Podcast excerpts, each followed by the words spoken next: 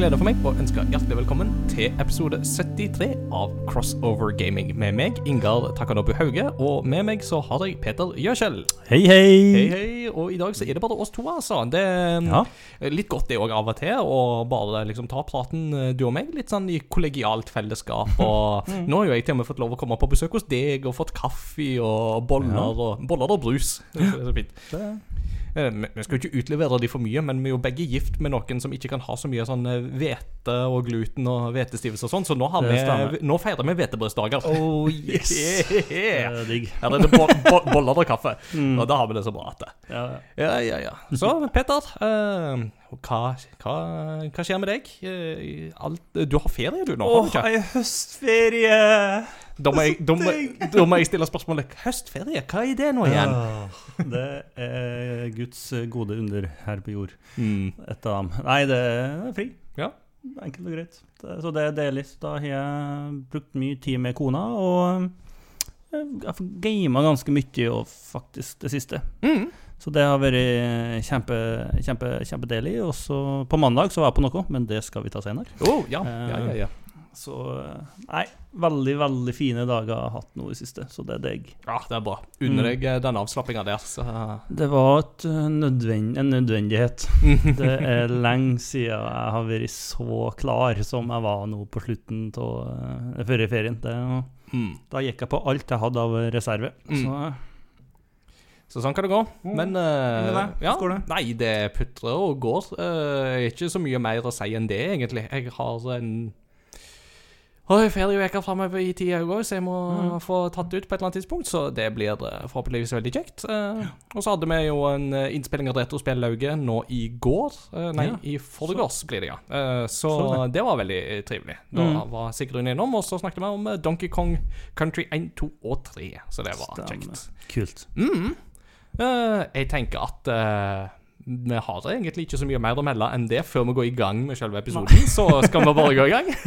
Det er vi.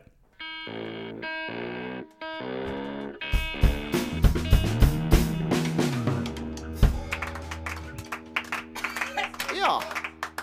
Eh, himmelsk lyd fra ungdommene. Eh, nå er det ukens kunngjøringer. Det er jo litt sånn at eh, av og til så må vi jo nesten vurdere om vi skulle ha begynt å ta opp på fredager og ikke på torsdager, for det skjer jo nesten alltid litt ting torsdag eh, kveld. Men, eh, men problemet er at da må vi jo fort sitte eh, vi kan, Ja, vi kan ikke alltid liksom booke helger og sånne ting, så det å ta opp på torsdager det er nok det lureste. Ja, litt uheldig ellers. Mm.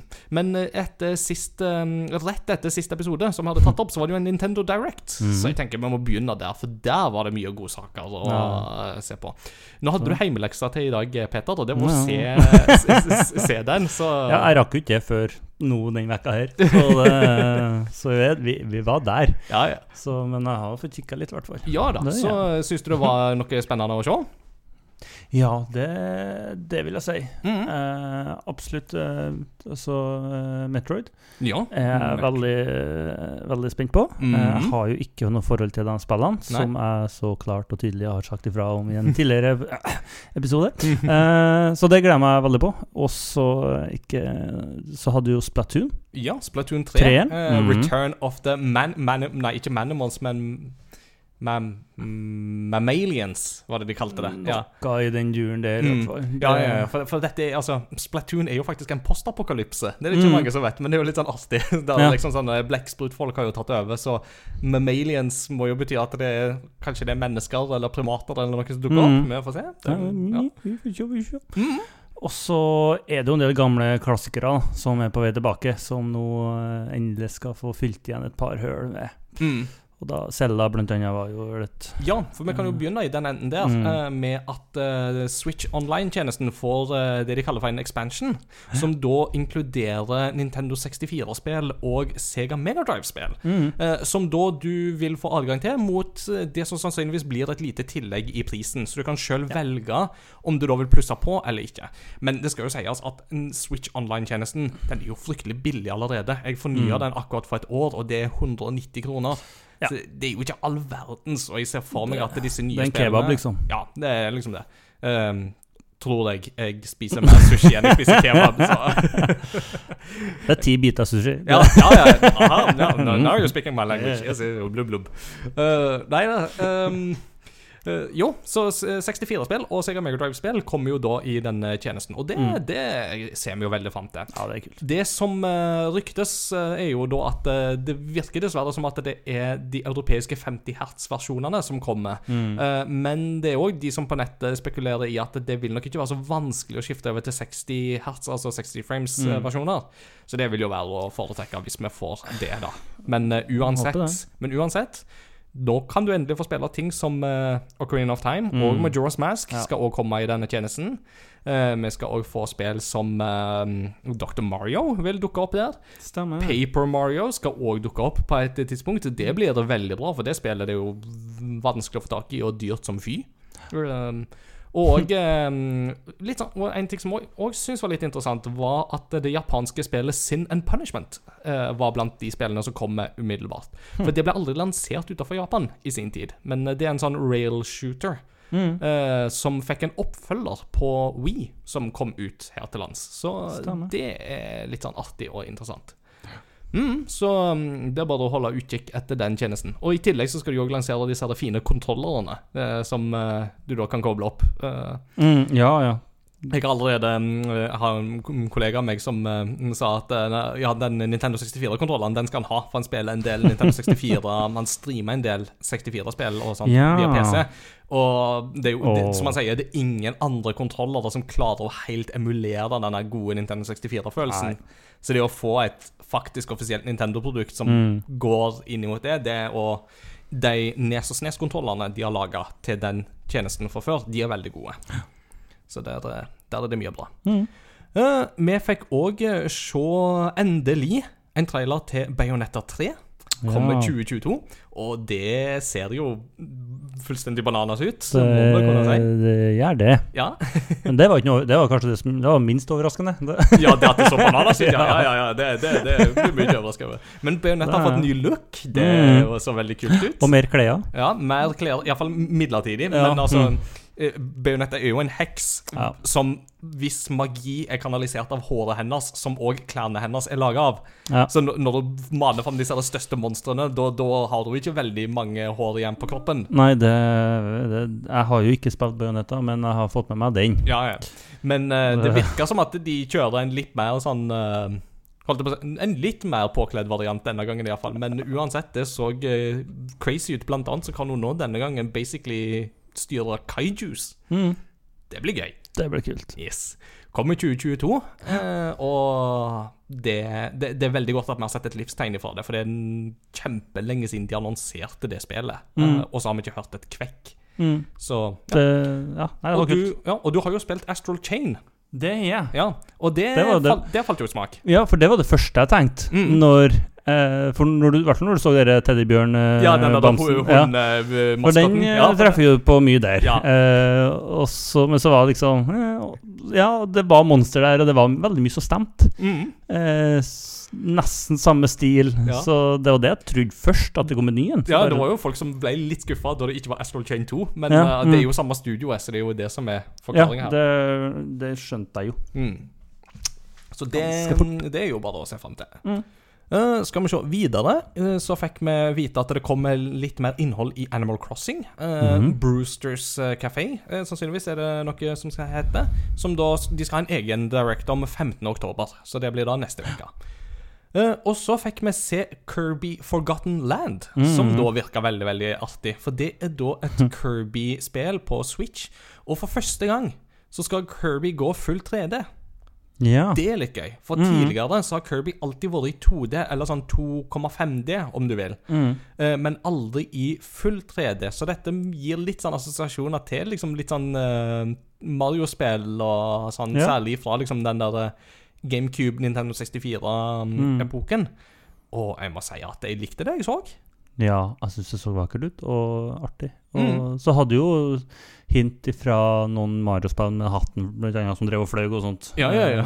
Ser ut som han, Og- Kirby har lært litt. Mm, og så er det alltid et eller annet veldig tilfredsstillende ved å svelge eh, forskjellige monster og dyr. Mm, ikke sant? Bare Mm, plutselig ja, 'Jeg spiste det, hva, for, hva var det? Nå får jeg et stort sverd!' Så vi ble litt usikre på om vi fikk en dato på det, men uh, uansett, det ble iallfall 2022, det òg. Ja. Vi fikk uh, f- eh, vite litt mer om eh, den Mario-filmen som kommer Ja. i samarbeid med Illumination, de som har Mhm. laga Grusomme meg-filmene. Eh, og eh, eh, Chris Pratt skal da være stemmen til Mario. Eh, Mhm. Hva er din reaksjon på dette?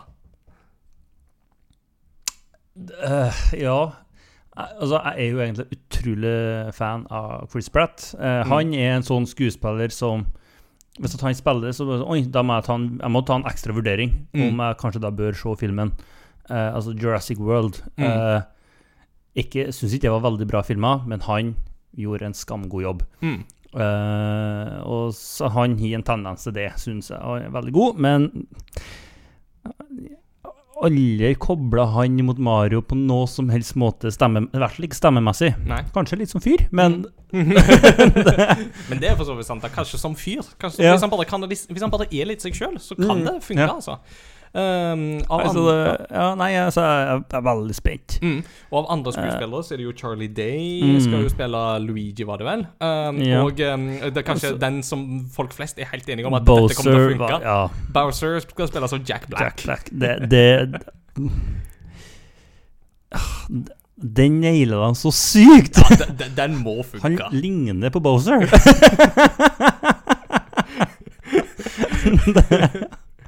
Jeg tror absolutt at dette kan funke. Uh, Så ja, altså, jeg, jeg gleder meg veldig. ja, ja, Jeg har, jeg har sky... Får, jeg får enda høyere forventninger til filmen. Mm. Uh, Og så er det jo veldig hyggelig da at Charles Martinet, som jo har vært stemmen til Mario i alle Mm. herrens år eh, siden 90-tallet, skal jo ha en rolle i filmen. Eh, men det er ikke han som skal være ho Han skal ikke sannsynligvis være Mario, sånn Nei, som vi vet det- i alle fall. Og det jeg tror ikke det er nødvendigvis en dum ting, altså. For at, Mm. um, sånn som Chris Pratt har jo vært med i Lego-filmen og gjorde jo veldig bra figur der. Han er jo hovedrollen der. Meget. Mm. Så det er jo derfor jeg tenker at det her kan funke. Mm. Fordi han gjorde det Altså Han har vist seg både som skuespiller og stemmeskuespiller. Mm. Så det um, blir interessant å se, i hvert fall. Uh, 21.12.2022 kommer Mm. filmen, så det er enda et år fram i tid der, altså. Så det, vi får vente og se, men jeg tror at dette kan, kan funke veldig bra. Ja. Videre i den uh, sendinga, vi går litt fram og tilbake her, uh, Mhm. så um, uh, Castlevania Advance Collection ble endelig bekrefta, og ble lansert samme dag. Uh, det er da en samlepakke med da de tre Castlevania-spillene til Gameboy Advance, pluss Super Nintendo-utgaven av Dracula X. Dracula Mm. X er jo da et Eller Rondos Blood, som det også er kjent som. Var jo et spill som egentlig kom til PC Engine, og som fikk veldig gode kritikker der. Og så fikk det en Super Nintendo-utgave som ikke var så fryktelig god, som Stemmer. etter det jeg har skjønt. Men det er fortsatt bedre enn ingenting, og jeg har òg skjønt at de Gameboy-spillene er veldig gode, så det skal sjekkes ut.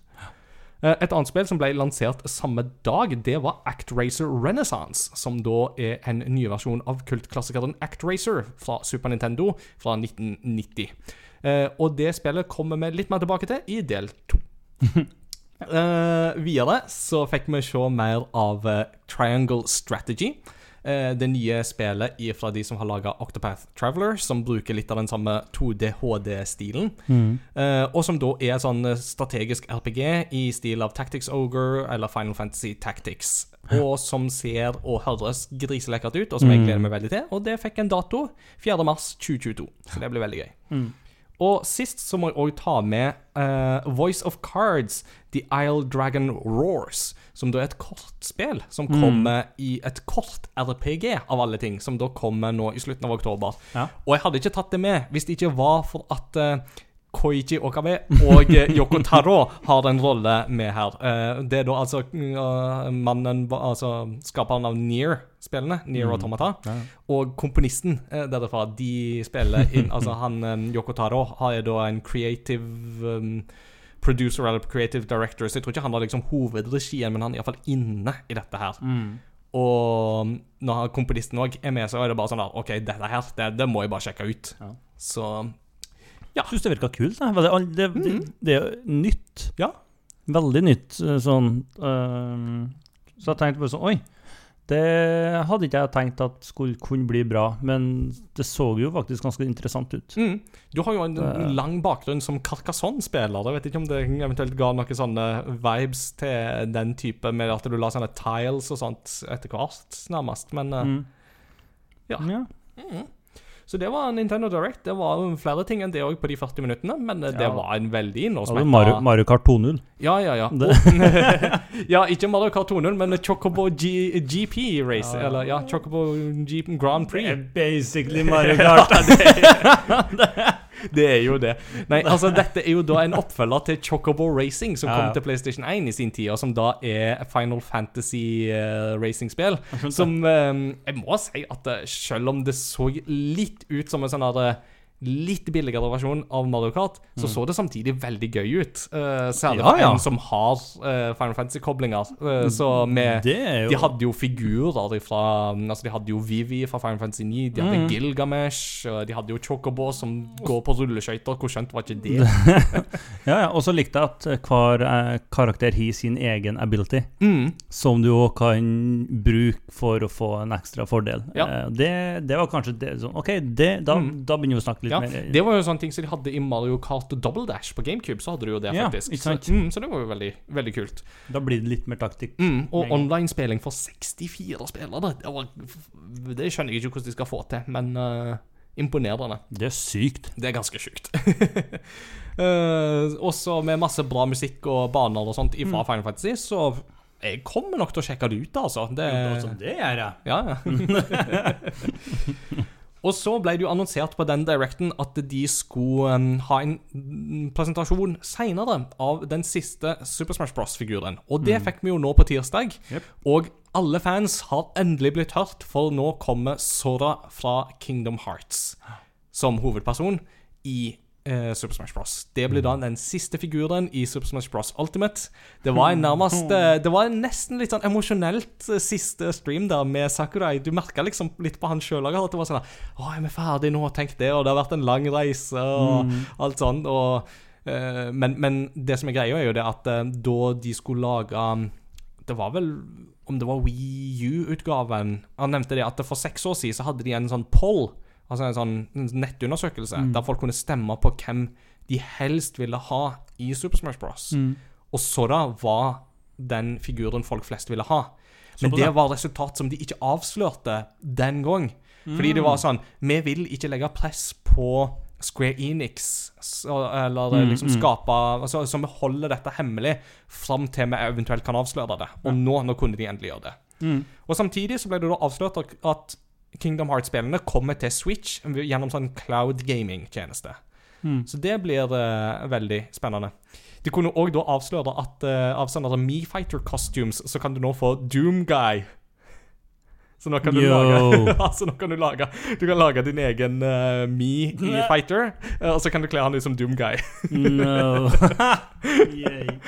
Så det var som Sakurai sa uh, He is from uh, this game. I th think you can play it on your PC I think you can play it on any PC Så, Som var liksom litt hans måte å vitse på At uh, Doom kan du spille på hva som helst. Inkludert graviditetstester. Ja, det er jo folk som har laget det Ja. Tenk det Ok. mm. Så det var det. Um, for å holde oss bitte litt grann i Nintendo-hjørnet til, så kan vi jo òg legge til at uh, fornøyelsesparken Universal Studios i Osaka, Japan, de har jo en Mhm. Super Nintendo World. Det har vi jo laga en episode om. Mhm. um, der vi snakket om uh, inntrykk derifra. Nå skal den parken utvides til å få en Donkey Kong-seksjon. Så det blir uh, ekstra spennende. Jeg hadde jo personlig håpa at de skulle ta Zelda før de tok Donkey Kong, Ja, men uh, respekt Men- for at de tar arven på alvor, da. Mm. Uh, og den, den kommer visst Jeg tror det var snakk om 2024 eller noe sånt, så det er nå veld, veldig langt Ja, fram i tid. ja. Men uh, den vil visstnok gjøre Nintendo-seksjonen av parken 70% større. Så det er jo ikke kult. Ikke sant? Over til litt uh, stussligere ting. Activision Blizzard. Der putrer og går det som eh, vanlig, og det er jo ikke akkurat et gledens kapittel. Nå ble de da Enda et søksmål kom på banen, og det var da US Equal Employment Opportunity Commission som saksøkte de. Mm. Søksmålet ble imidlertid løst ved et forlik der Activision Blizzard oppretta et fond på 18 millioner dollar som skal utbetale erstatninger til de som har blitt utsatt for trakassering eller diskriminering. Omtrent samtidig som dette så kommer det jo fram at lønna til Bobby Kotick, eh, CEO for Activision Blizzard, er godt over tidobbelt av den summen der. Så det føles fortsatt egentlig ikke godt nok, altså. Mm -hmm. det, det, det, er trist, rett og slett. Og vi må egentlig bare håpe at disse søksmålene faktisk kan bidra til de forandringene som kreves i det selskapet. Mm. Eh, så kom det en nyhet forrige uke om at Sony har kjøpt Bluepoint Games. Og Bluepoint Games er kanskje ikke et studio du nødvendigvis har hørt om, men du har muligens spilt uh, remakes som de har laga. For de har laga bl.a. remaken av Demon Souls til PlayStation 5. Ja. De har laga remaken av Shadow of the Colossus. De har eh, porta Metal Gear Solid HD Collection. Eh, kort sagt, dette er folk som er veldig veldig dyktige på å gjenoppusse gamle prosjekt og presentere de for nyere hardware. Det er de veldig veldig gode på generelt. Og visstnok nå så jobber de med noe eget òg, som da ikke bare er liksom en remake eller en remaster, men som da er noe helt eget. Hm, kult. veldig kult, og veldig naturlig av Sony å kjøpe de opp. Uh, mm. For det er stort sett Sony de har uh, lansert ting til. Blant annet Shadow of the Colossus og mm, mm. Uh, Demon's Souls er jo PlayStation-eksklusiver, så det gir veldig mening. Så det blir spennende å se hva de kan få til. Ja. Mm. Vi må òg ta med at uh, musikken til Heroes of Might and Magic 3 nå skal lanseres på vinyl. Og for å si det sånn, Mats Jakob han gikk i taket oh. da vi presenterte ja. den nyheten. Han uh, altså. Og det var ikke bare han. Jeg òg syns dette var veldig veldig gøy, så jeg har forhåndsbestilt. Og jeg har ikke platespiller. Så, men det, det, altså Naboen din har vel, så du kan bare gå over dit og få spalta. Ja, det er sant. Uh, det som jo er artig, er jo at um, den, den, eller artig, artig, men altså, den LP-en den så jo helt aldeles nydelig ut. Var så fin! Mm. Åh. Helt nydelig. Kjære vene. Og eh, du kan bestille i fire farger. Så du kan bestille i Necromancer Black, Rampart Green, Inferno Red eller Castle Blue. Og alt dette er jo da selvsagt referanser til fraksjoner i spillet. Så, Necromancer Black. Mm. Den siste nyheten det er en eh, liten downer, men eh, det er òg den ferskeste av nyhetene. Og det er at uh, Koichi Sugiyama, som da er komponisten bak bl.a. Dragon Quest-musikken, nå er død i en alder av 90 år gammel. For å ta med litt av hans betydning for spillmusikken, så kan vi jo si at Dragon Quest-temaet var jo det temaet som åpna inngangsmarsjen under årets Tokyo-OL. Mm. Uh, og det er knapt nok noen serie i Japan som er større enn Dragon Quest. Dragon mm. Quest er så stor, og den musikken til Sugiyama er så kjent at den den kjenner folk, rett og slett. Han fyren på NRK som kommenterte, mm. visste hva det var. Ja. Og det var ikke mange andre sanger han kunne henvise til Nei. i løpet av den åpningsseremonien, men den sangen, den tok han med en gang. Mm. Så vi er der. Ja, ikke sant. og Sugiyama var jo en klassisk trent komponist, og det merker du veldig i måten han har komponert musikk til Dragon Quest på òg. Eh, og det som er ekstra spesielt, er at han var en pioner på dette når det kom til å lage orkestrerte utgaver av spillmusikken, som mm. slettes ikke var vanlig på 80-tallet. Men eh, som han da var en forkjemper for.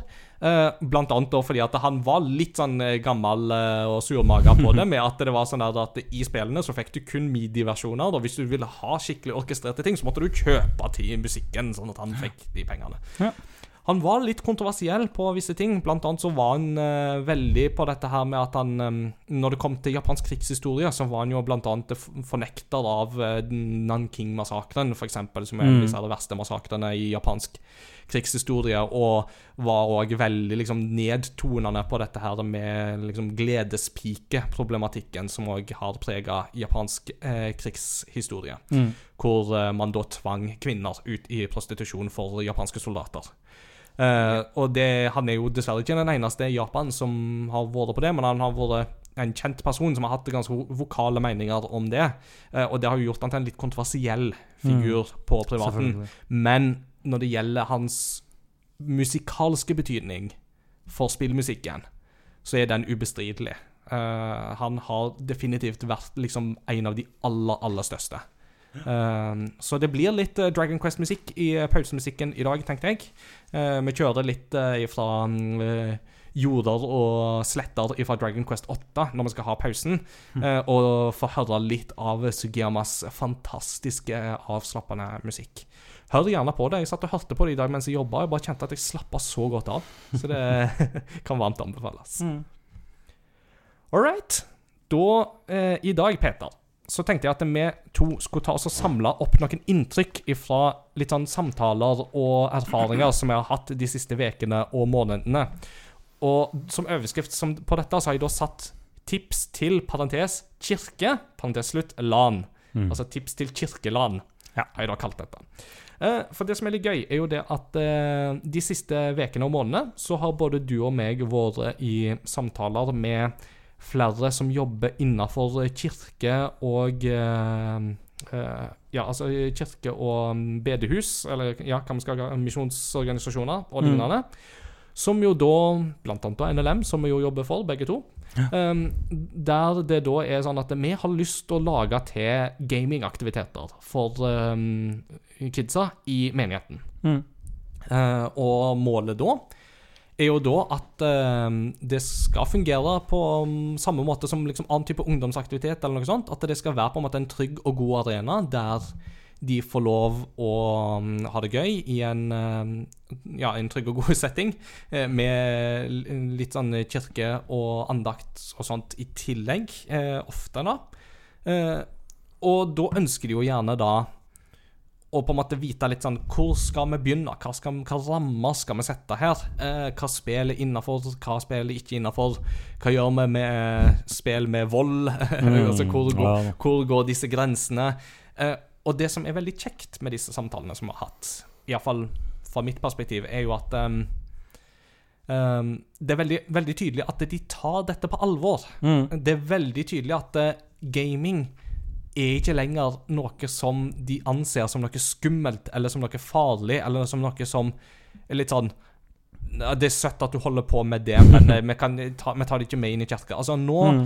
får på en måte gaminga litt den behandlinga som det idretten fikk innafor kirke og bedehus på 90-tallet. Mm. For uh, i dag så tar vi det jo nesten som en selvfølge, vi som er i de kontekstene, at uh, du har mm, organisasjoner som Kristen idrettskontakt, f.eks., som jo ja, ja. nettopp jobber veldig aktivt med liksom, å kombinere idrett og uh, kirke. Ja, men på 90-tallet så var det slettes ingen selvfølge. Da var det en ganske stor diskusjon.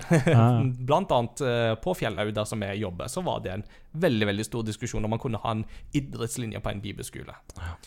Så nå liksom, merker vi liksom litt sånne tendenser som er veldig gledelige. Ja, det er, det er kjekt, og det er ofte Jeg har sikkert hatt fire-fem samtaler mm. de siste månedene med, ja, med flere om uh, da hvor de skal ha enten gamingleir, eller fleste så har gått, eller det meste har vært på hvis de skal ha LAN eller et gamingrom på bedehuset eller i kirka.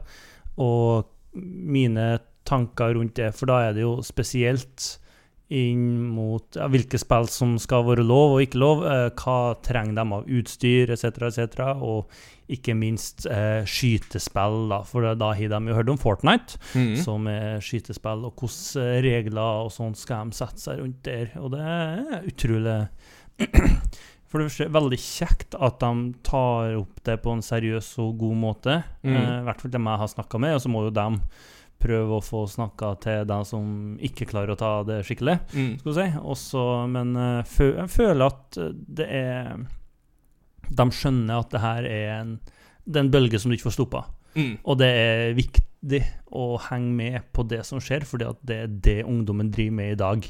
Can't stop, won't stop. Nettopp. Så det, nei, så det er kjempekjekt kjempe også. Mm. Uh, og du har jo litt erfaring på dette området fra før, for du har jo vært mm. litt med å trekke litt i trådene når det kommer til dette med å arrangere gamingleir, har du ikke? Ja, trekke i trådene. Jeg, har, jeg var andaktsholder på en gamingleir. Ja. Det var vel egentlig det jeg også var med og gama. Ja. Uh, det var jo det jeg gjorde. Ja, Men, men da har du iallfall observert litt. Jeg, så jeg har observert, mm. det har jeg. Og uh, Da var reglene var egentlig ganske enkle. Eh, det var Aldersgruppa var 12 til 16. Mm. Og da var det ikke lov til å spille spill som hadde høyere enn 12 års aldersgrense, fordi du skal ikke ha noe på en skjerm som en eh, er for ung til å se. Mm. Så da når den yngste da var 12 år, så var det 12 år som var gjeldende. Ja, så regelen som da settes, er jo da liksom at eh, aldersgrensa settes ut ifra den yngste deltaker. Eh, og det er jo et eh, greit prinsipp. Ja. Eh, og eh, eh, for de som da kanskje hører på, og som ikke pleier å høre på eh, oss så mye, og kanskje ikke spiller så mye aktivt sjøl, så er det jo verdt å nevne at i Europa så har vi jo et aldersgrensesystem for eh, dataspill som heter PEGI. PEGI. Og alle spill som gis ut, skal være PEGI-merka. Og da er jo de merka ut ifra gitte kriterier, som jo da eh, spillutviklerne de må jo alltid fylle ut eh, skjema som krysser av for visse typer innhold og beskriver visse typer innhold og sånt, som da igjen er med på å sette hva aldersgrense spillet får i Europa. Og det er da tre år, syv år, tolv år, 16 år og 18 års aldersgrense. Og det, hvis man da har dette spillet fysisk, så vil det alltid stå på boksen til spillet. Eh, hvis spillet er digitalt, så må man jo da søke det opp. Men du kan egentlig bare søke opp tittelen på spillet, og så legge til PGI, PEGI, når du googler det, og så vil du stort sett finne ut hva aldersgrense det spillet har. Og da er det jo som regel sånn ikke sant, at et spill som Ratchet Clank har jo gjerne syv års aldersgrense, fordi det er liksom litt sånn lettere animert vold, men ingenting som er Men ting som er liksom litt sånn som en Pixar-film, eller liksom litt sånn Barnevennlig vold. ja, barnevennlig vold, rett og slett. altså, det, det høres kanskje litt rart ut når vi beskriver det sånn, ja. men altså, det tenk litt sånn Tom og Jerry, ikke sant? som Ja. jo utgangspunktet er ganske voldsomt på én måte, men alle er likevel med på at dette ikke er veldig skadelig å se på Tom og Jerry, for eksempel. Nei.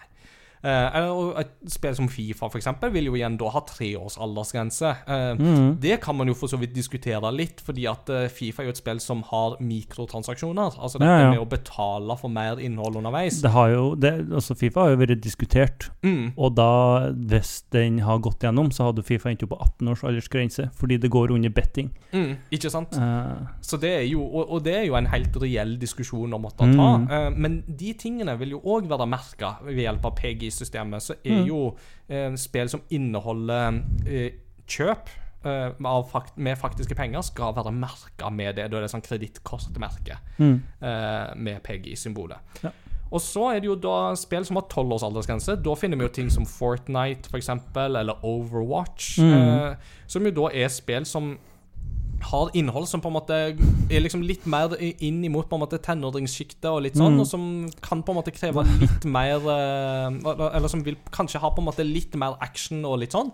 Ikke fullt så barnevennlig vold. Men, men fortsatt Ja, innafor, vil jeg jo Ja, for det er jo det. si. Ja. Det er det. Eh, for det, sånn, som, sånn som Fortnite, for eksempel, det er jo ikke noe blod, eller noe, ja. og det er jo veldig på en måte karikert vold fortsatt langt på Mm. vei.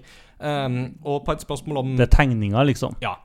Og på spørsmålet om liksom En, en formulering som jo jeg har hørt i, eh, når jeg har vært i samtale med, med eh, ulike aktører her, er jo dette her med hvordan skal en forholde seg til vold, f.eks., Mm. og sånt. Og da er jo dette her det poenget med En må trekke litt forskjell mellom ting som bruker vold som et narrativt uttrykk, og spill som glorifiserer vold. Mm. Uh, og spill som glorifiserer vold, det, da vil du med en gang snakke 16 eller 18 års aldersgrense i langt større grad, fordi en glorifisering av vold vil òg ofte indikere mer realistisk vold, og dermed òg høyere aldersgrense. Ja.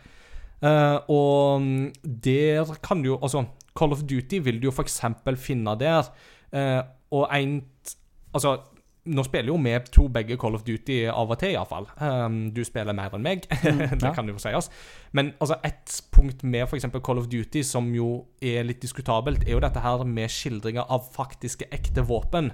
Mm. Eh, som man jo da får eh, skildra Altså laga karaktermodeller av og sånt i samarbeid med våpenprodusenter. Mm. Altså at våpenprodusentene sier ja, vi vil gjerne på en måte dele, dele de opplysningene, fordi det igjen vil jo være med på å tjene til deres interesse. Hvis på, Mm. sånn, 'Å, dette våpenet var tøft. Å, det kan jeg faktisk kjøpe på skikkelig'. Mm. Ja. Um, så, så, så, og, og det er jo sånne problemstillinger som er ganske, ganske alvorlige, og som absolutt gjør at de spillene fortjener en høy aldersgrense. Mm. Um, og så har du jo da spill som GTA, for eksempel, som hvis de på en måte Altså, spill som gir deg veldig stor frihet, Mm. kan jo fort misbrukes òg. Ja, nei, hva han sa? Det var bare et bilspill? Mm. det, det, det kan vi da si. GTA er ikke, er ikke bare et bilspill. Nei. For, Forza, Forza Horizon er bare et bilspill. Gran Oh, yeah. Turismo er et bilspill. Ja.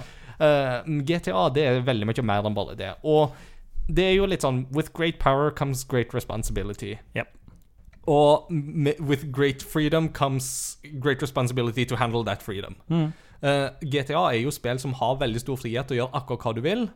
Uh, og det innebærer jo, ja, at uh, da kan du sette deg i en bil, og du kan kjøre på alle som du støter på. Mm. For det er jo den frihet du faktisk har til å operere i den type spill. Det er ikke dermed sagt at det er liksom sånn at spillet legger opp til at du gjør det, men, Muligheten er der. men muligheten er der. Mm. Uh, og det er klart at da, er vi kanskje på en måte mer på den der med at det, det, det, det, Da snakker vi en voldsglorifisering, iallfall hvis man blir liksom sittende og gjør veldig mye av det. Og tenker å, åh, åh, så gøy, så kult. Mm. Altså, er det litt sånn Er det egentlig så kult? Mm. Og så- altså, veldig mange spill klarer du å få inn sånn type Altså, hvor mange har eh, Altså, veldig, veldig mange har spilt Sims. mm. Hvem har ikke testa ut først? Hva skjer hvis du fjerner stigen i bassenget? Eller jeg, jeg skal innrømme at jeg har eksperimentert. Hvor lang tid tar det før en person dør hvis han, kan, er, han er i et lukka rom Mm. med ei seng? Mm.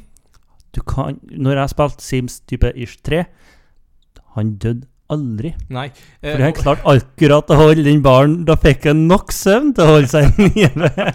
Og, altså, dette, dette er det jo egne sider på Mm. Reddit, eksempel, om folk som deler sine verste Sims-historier. Ja. Uh, og da er det jo noen som basically har gjort noe sånn som det der, med at de har i praksis eh, operert som Josef Fritzel, han her østerrikeren som jo Mhm. holdt uh, dama fanga i en kjeller. Så har de hatt en sånn figur nede i en kjeller, som da har hatt en familie buende i liksom vanlige etasjen over seg, og den familien har da ikke visst om den uh, personen som bodde i kjelleren.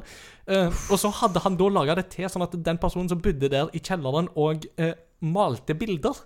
Og de bildene ble da solgt, og de pengene gikk til de som bodde i etasjen over. Så de fikk masse penger som de ikke visste hvor kom ifra.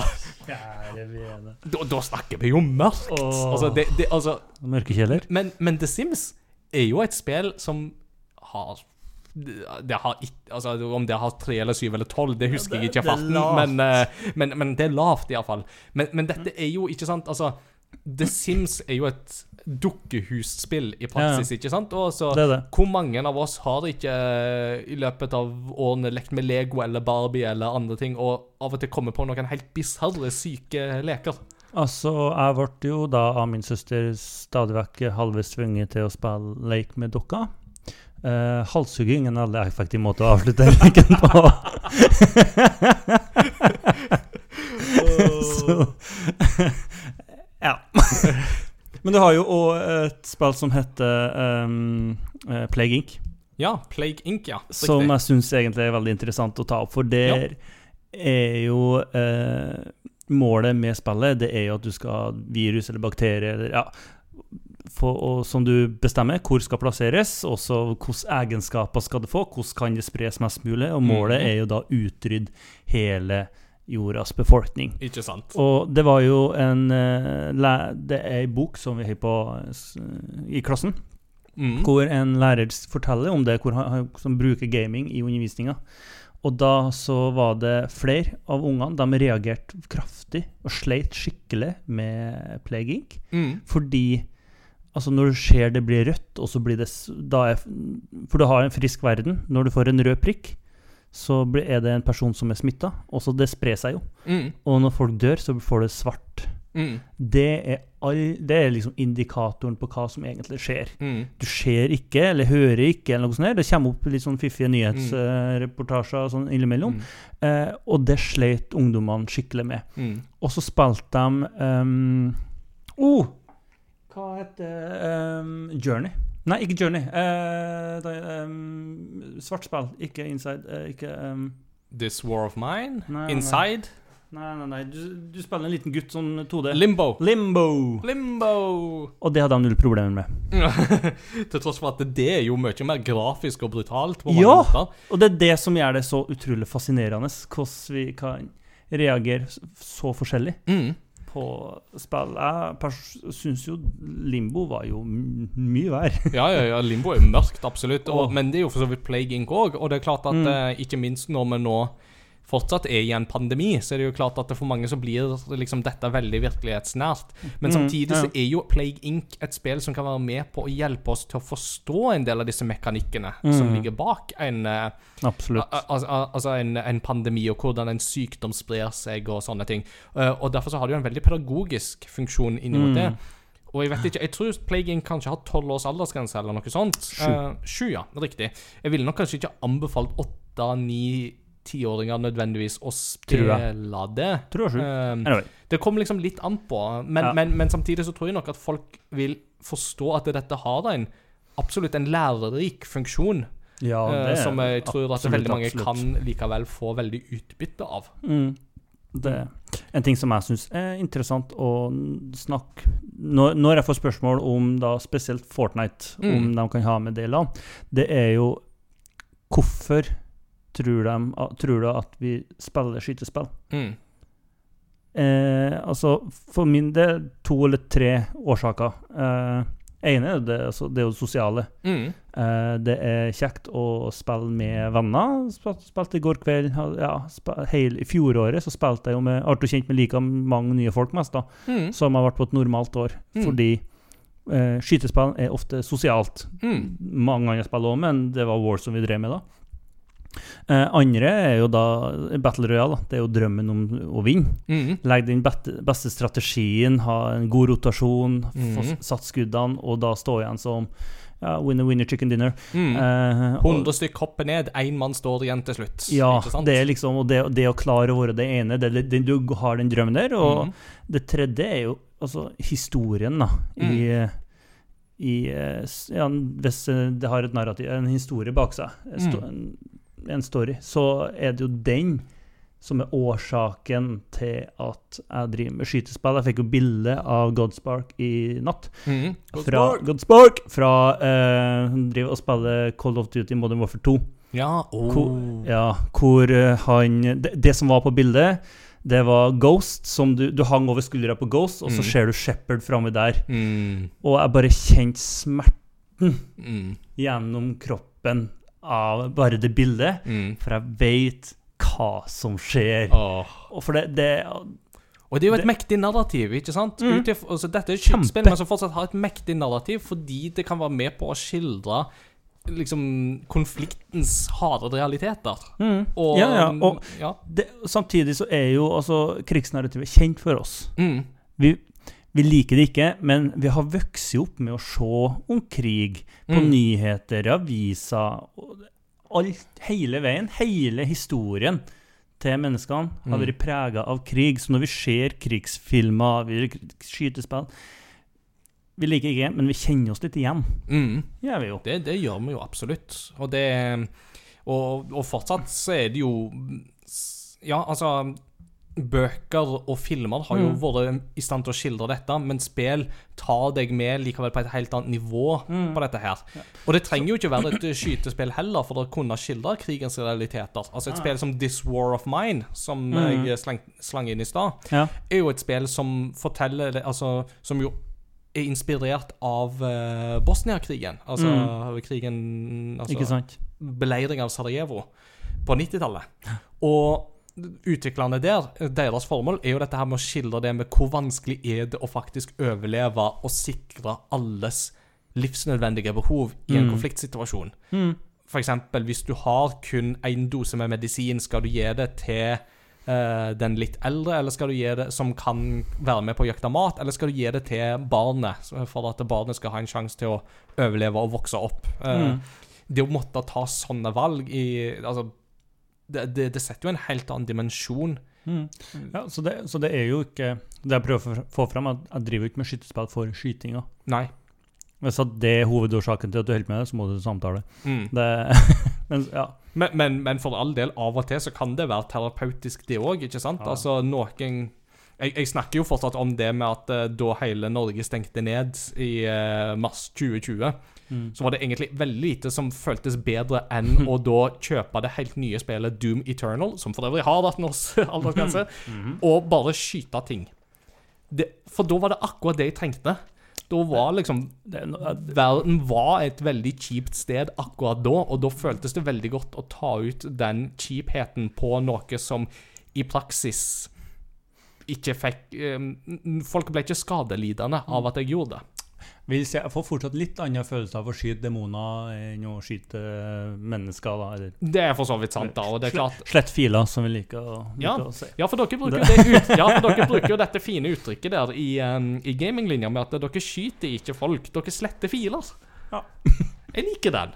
Det Ja, jeg synes sånn, jeg, ja.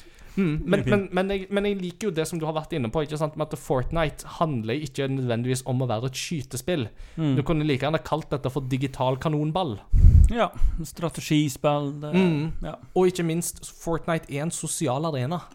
Veldig. Fortnite har så blitt en sosial arena for ungdommen at det, det handler ikke nødvendigvis bare om Det handler ikke bare om spillet, det handler Mm. om alt rundt spillet. Og da tenker jeg jo det at eh, det å utelukke et spill som Fortnite, for eksempel, ikke Man vil veldig fort begrense seg, Ja, ja. fordi det er eh, og da, For jeg tror man da skaper et problem som ikke er der. Mm. Det var noen som spurte meg om det vekka, forrige uke. Ja. For da hadde de ikke Fort, Fortnite var ikke lov, Mm. og de erfarte at de mista ungdom. Mm.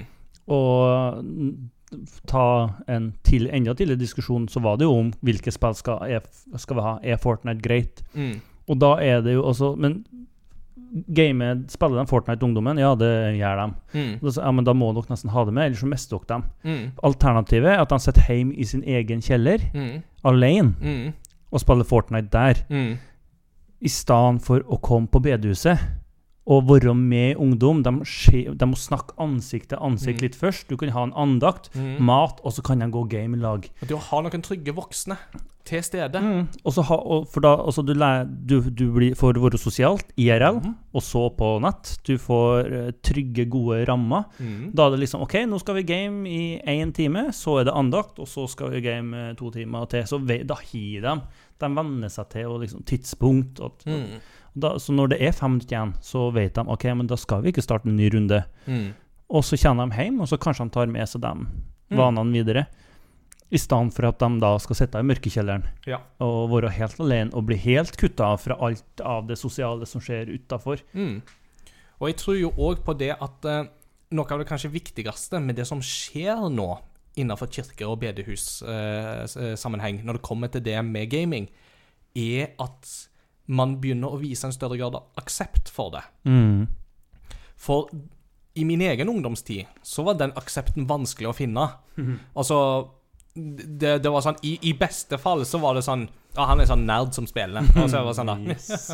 Dette er litt sånn sånn Man-child som Mm. liksom aldri vokser opp. Og, men, men at det var sånn det, det var ikke noe man nødvendigvis da gjorde et nummer av. Men de som absolutt kunne gjøre et nummer av det, var sånn Ja, men du er jo kristen. Hvordan kan du game? Hvordan kan du kaste vekk tida di på Ja, noe ja, som ikke er nyttig til noe som helst, og som inneholder vold? Ja, det er ikke samfunnsnyttig.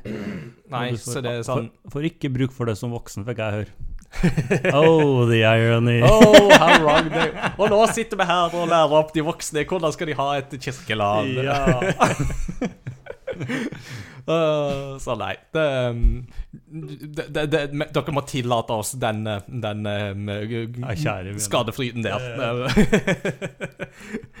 men men, men jeg, jeg er så glad for at den aksepten er der på vei. ikke sant? Og jeg tror at det å da anerkjenne Fortnite, for eksempel, som du Mm. sier, er et kjempeviktig steg for at ungdom i dag skal kunne kjenne på nettopp den aksepten som da vi savna da vi vokste opp. Mm. Eh, ved at det er sånn Ja, kan vi spille Fortnite, da? Er så bare sånn Ja, det, så lenge det er innenfor den aldersgrensesettinga, så, så, er det, så er det helt greit at dere spiller Fortnite.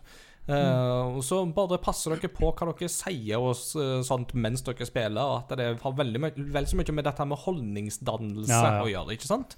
Men at det, Slutt ikke å være en kristen bare nei, fordi du gamer. Nei, ikke sant. Det, vi tar det med oss selv mm. inn i de kontekstene der. Ja. Og, og hus, husker på, altså fra forrige, den gamingleiren jeg var på det det, for det første, kanonkjekt mm -hmm. å holde på å være med så mye ungdom og kunne samles rundt en interesse som vi har. Mm. Eh, med en god ledergjeng og sånn der. Det, det, var høydere. Men det jeg husker på aller, aller best, det var én setning som jeg fikk første kvelden.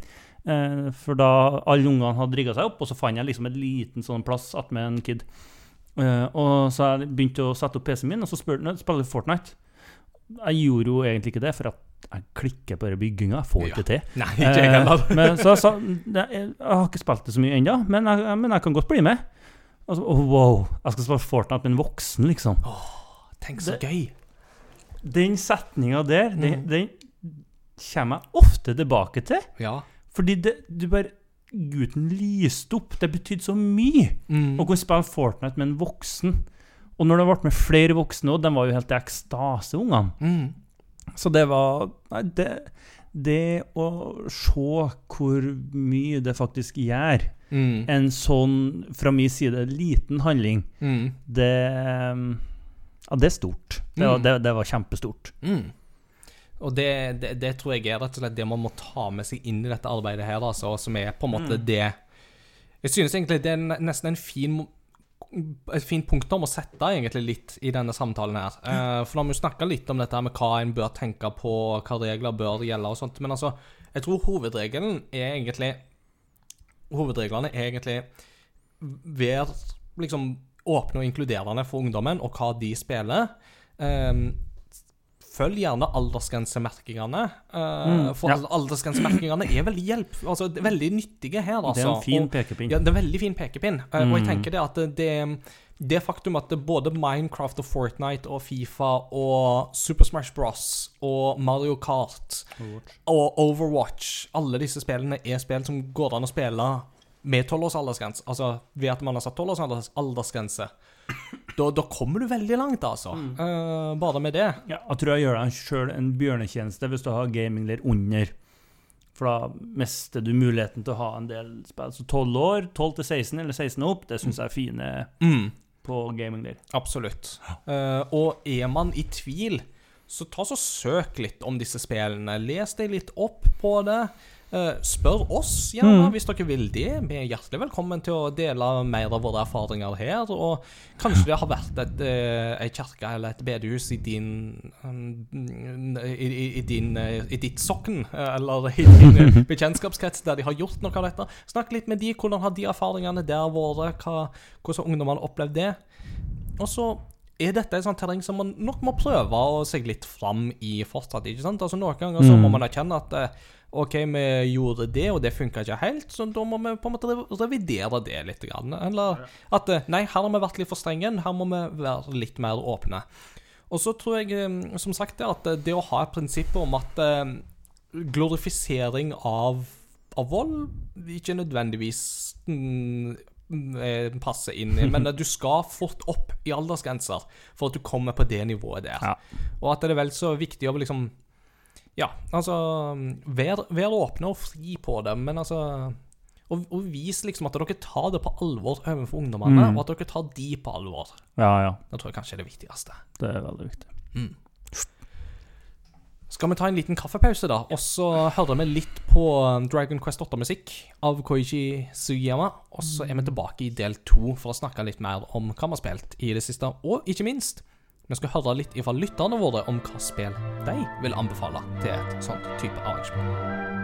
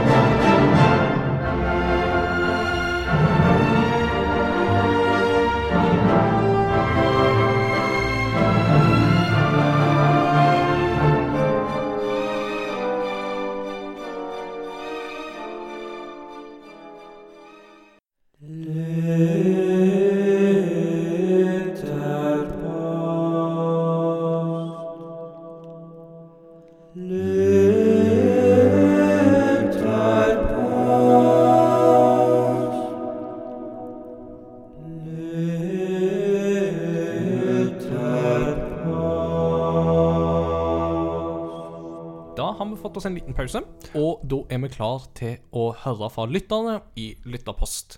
Mm. I denne episodens Lytterpost så har vi da stilt lytterne et spørsmål der vi har presentert dem for et potensielt LAN.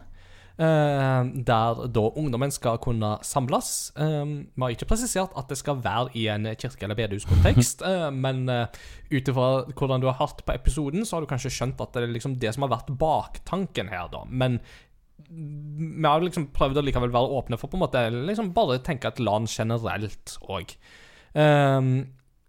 jeg var litt seint ute med å presisere at uh, tenk aldersgrense 12 pluss. Så noen av forslagene som kom inn, var litt eldre enn det, men det skal vi komme litt tilbake til. Men hva spill vil lytterne våre anbefale eh, at man kan eh, arrangere i et eh, kirkeland? Og da har vi bedt de om å tenke på ting som kan spilles sammen med flere, eller eh, ved forskjellige plattformer. Eh, enten at eh, man faktisk spiller på tvers av plattformer, eller at det er litt sånn nå spiller man på PC, og nå spiller man på en PlayStation, eksempel. Det var litt rotete forklart, men jeg tror og håper folk henger med. Hvilke spill ville dere spilt på LAN? Ja, takk. Det er så godt jeg har deg, Peter. Det tror jeg har deg, i hvert fall. Ja. Du er snill mot meg. Uh, Nå fortsetter vi.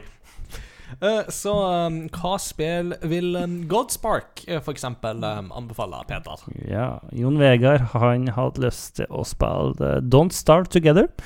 Eh, første forslaget det er et eh, cartoony Fight Farm Build Explore-spill for inntil seks spillere. Testa litt sjøl. Det, det er kjempespennende. Det Mm. er faktisk veldig, veldig godt. Uh, Turneringa i Mario Kart og Super Smash eh, bruker å være en smashing hist. Det, oh. Eh, men det er kun på Nintendo. Det kan jeg skrive under på. I hvert fall eh, Mario Kart. Det hadde vi jo på landet på Fjellhaug i fjor. Mm. Eh, vi satte av en og en halv time, og det tok seks. Eh, halve skolen meldte seg jo på. Ha, altså, vi hadde Mario Kart-turneringer da jeg var student òg, på Mm. Fjellhaug, liksom på Wii, og det òg var jo knallsuksess. Ja, det, sånn, det- det, slår absolutt aldri feil. All liker Ja, sånn, Du trenger ikke ha det som Mm. eneste aktivitet, men ha det som en aktivitet. Hvis du ikke liker Mario Kart, så har du bare ikke spilt det nok. Ja, Eller så har du bare ikke trua på menneskeheten. Det eh, går under det samme. uh, Heroes of the Storm på PC er nok det enkleste av de populære Mobaene som uh, å komme inn i Mm. om man er ny. Kan Mm. ha inntil ti spillere i hver kamp. Riktig. Nok et godt forslag der. Jackbox Party Pack eh, har flere partyspill for re relativt mange spillere samtidig. Mm. Trenger kun én mobil hver. Eh, og dere har vel alle en telefon? Spørsmålstegn står i Don't parentes. you, don't you guys have phones?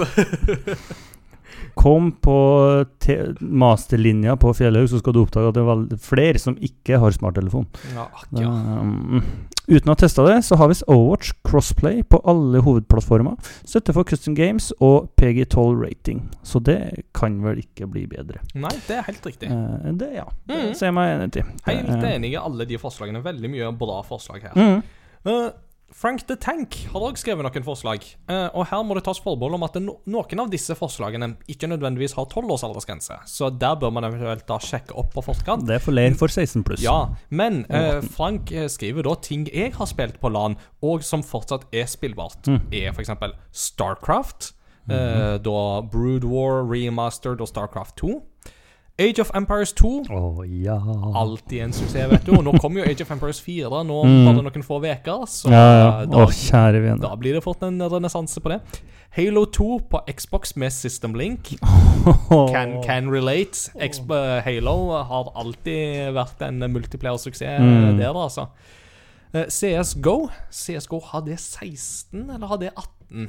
Innbilt med 18, jeg. Jeg Men jeg, jeg vet ikke. jeg trodde, jeg trodde kanskje det var 16, men jeg var ikke sikker. Det kan du eventuelt Mm. finne ut av. eh, Men eh, hvis man vil tillate det, så er det absolutt et godt alternativ, tenker jeg. For det er absolutt et spill der konkurranseelementet spiller 18. godt inn. Det er 18? Ja. da vet vi det. Så da må du bli på gaminglærer for voksne. Mhm. Uh, Parkitekt, uh, Multiplayer Rollercoaster Tycoon. Det hørtes jo faktisk veldig, veldig artig ut. Nice. Mhm. Quake 3 Arena. Der òg er vi Mhm. nok inne i noe for noe som tidligere iallfall var 18-årsgrense, men Quake 3 er blitt såpass gammelt at jeg tror at du kan ja, fort tillate det på 16 det nå i dag. gå fint. Det må gå fint. Og Overcooked. Åh, det er artig! Ja. Åh, eh, det er slitsomt. Jeg har faktisk bare sett på Overcooked, men jeg har aldri Mm. testet det sjøl. Det er, det er stress på skjerm. Det,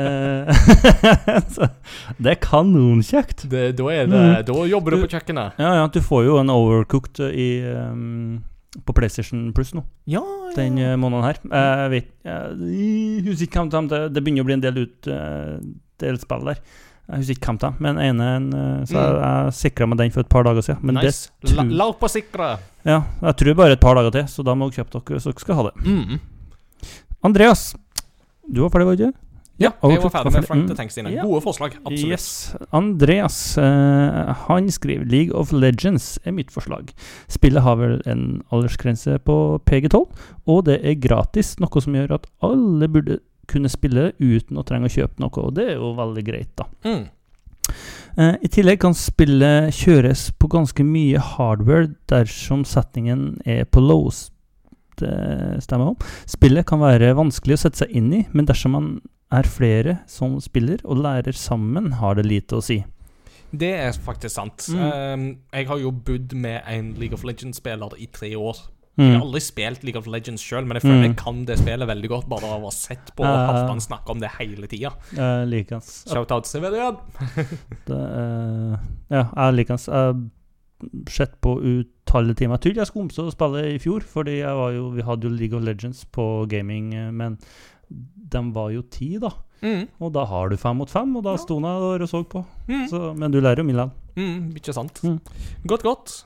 Uh, helt til slutt, slutt så tenkte jeg å ta Trulseth sitt uh, forslag, for der da var det mye bra. Mm. Uh, Trulseth skriver da Minecraft, selvsagt. Mhm. Alle spill i ett. Her kan det bygges, styles, slåsses og snikes. Rocket League, oh, et alternativt sportsspill, har mm, selv veldig sansen for Rumble game mode med litt added crazy. Rocket Mm. League er jo da basically fotball med eh, store biler. Som kan halvveis fly. Som kan halvveis fly, ja. For det heter jo, egentlig så heter det jo Super, super, super Rocket Powered Battle Cars, eller noe sånt. Eh, Something, something like ja, that. for, Mm. altså, for det, det er jo egentlig en oppfølger til Super Power Mm. Rocket eh, Battle Cars Ja. 1. eh, og så skifta det navn til Rocket League. Det tror jeg Mm. var helt genialt av de å gjøre. Eh, ja, så det Ja, biler med rakett i rumpa som Mm. spiller fotball. Er ikke bedre enn det. Nei. Knockout City, skytespill i kanonballklær. Overraskende morsomt alternativ til Fortnite. Altså, Mm. Når jeg har brukt liksom snakka om Fortnite, så har jeg jo sagt liksom Ikke se på det som et skytespill, se på det som en form for digital kanonball. Knockout City er digital kanonball. Ja, nice. Så, og, og det ser veldig gøy ut. Jeg har et mål om å teste det før året er omme. Mm. Og så skal vi se Portal 2. Når du bare vil løse puzzles, kanskje med en kompis eller forelder. Mm. Pappa får vel være med på LAN? Ja. ja, ja. ja. Uh, og så til slutt IRK. It's like multiplayer notepad. ja. Så Mm. for de som eh, kjører, vil ha litt klassisk IRK eh, der det Mm. går den, så er det da en eh, mulighet. Hvis jeg kan komme med en siste som jeg syns Ikke eh, sånn kom på nå, eh, som eh, Jeg tipper eh, Andreas Ruud som fikk inn det på landet her, og som jeg måtte videreføre, for jeg syns det er så funny Mm. å ha på land. Eh, så på Fjellhauglandet så har vi da eh, paint-turnering. Ja. Eh, hvor du da får type ett minutt til å tegne et bilde, og så skal du tegne noe mer på samme bilde, og så blir det til slutt et ganske stort og utfylt bilde. Um, og det som er jo fantastisk med det, at ingen tegner jo fint på paint. Nei, nei, nei. Uh, Iallfall ikke på ett minutt. Nei. Uh, bortsett fra én elev i fjor. Kjære vene, hun hadde base på paint. Anyway. Uh, prøv det! Kjempegod stemning! Oh, du, får, du får så mye rart. Nice. Mm. Det må jo legges til. Ja. Jeg har jo òg lyst å legge til i um, Blant disse her, så er det jo Altså, på norsk så høres det jo ikke så bra ut med slåssespill, men det engelske ordet martial arts sier så mye mer om kampsport, uh, og liksom kampsportspill. Og Der har du jo flere gode kandidater, som f.eks. Street Fighter. Eh, har du 16 pluss, så vil jo Tekken være et veldig godt alternativ. Og ellers, hvis det er 12 pluss, så er det jo da Super Smash Bros. som gjerne er alternativet. Men Altså, det å ha et godt sånn kampsportspill på en eller annen måte Mm. det, det trenger ikke å være en voldsforherligende ting, med mindre du spiller Mortal Kombat, og det tror jeg vi bare kan utelukke i denne Eh, sammenheng. Eh, så, så, så lukt litt på det òg, for det òg er en sånn gøy ting å ha liksom én mot én, der de kan bryne seg liksom i en sånn kampsportarena. Eh, det tror jeg eh, faktisk vil falle i smak hos veldig mange. Eh, og der kan du få veldig mye gøy òg. Og noen av de beste spillene der er jo sånn at eh, når de flyter, så skjønner du på en måte arts-delen i martial arts. Altså, de beste spillene har en ekstrem god gjengivelse av kroppsbevegelser og sånt i en kampsport, så hva kan vi si? Det går som en dans. Det går som en dans. ja.